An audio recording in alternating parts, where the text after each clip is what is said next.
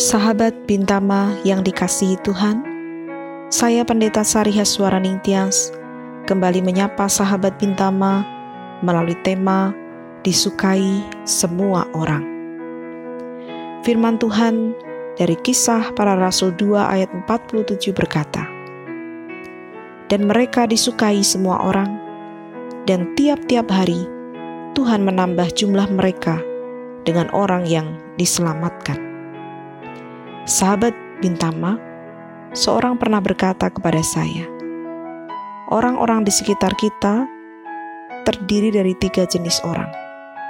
Yang pertama adalah mereka yang menyukai kita. Yang kedua adalah mereka yang tidak menyukai kita. Dan yang ketiga adalah mereka yang biasa-biasa saja dengan kita.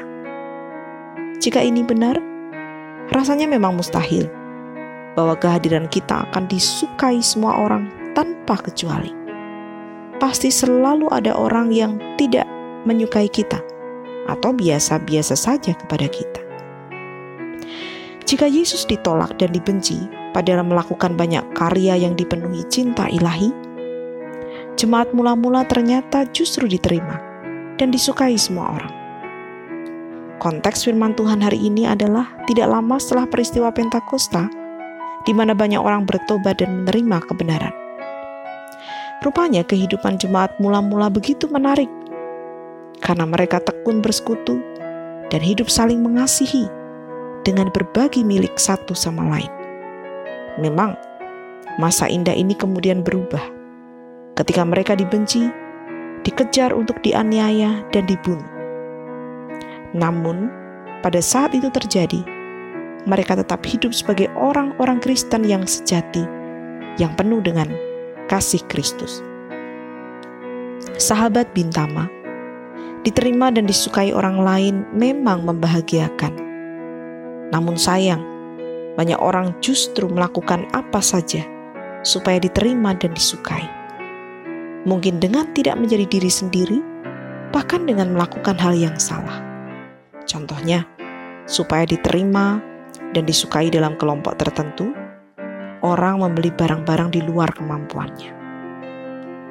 Supaya diterima dan disukai dalam kelompok tertentu, seseorang bersedia ikut melakukan kejahatan jemaat mula-mula disukai karena mereka sungguh hidup di dalam kasih yang otentik, tidak dibuat-buat.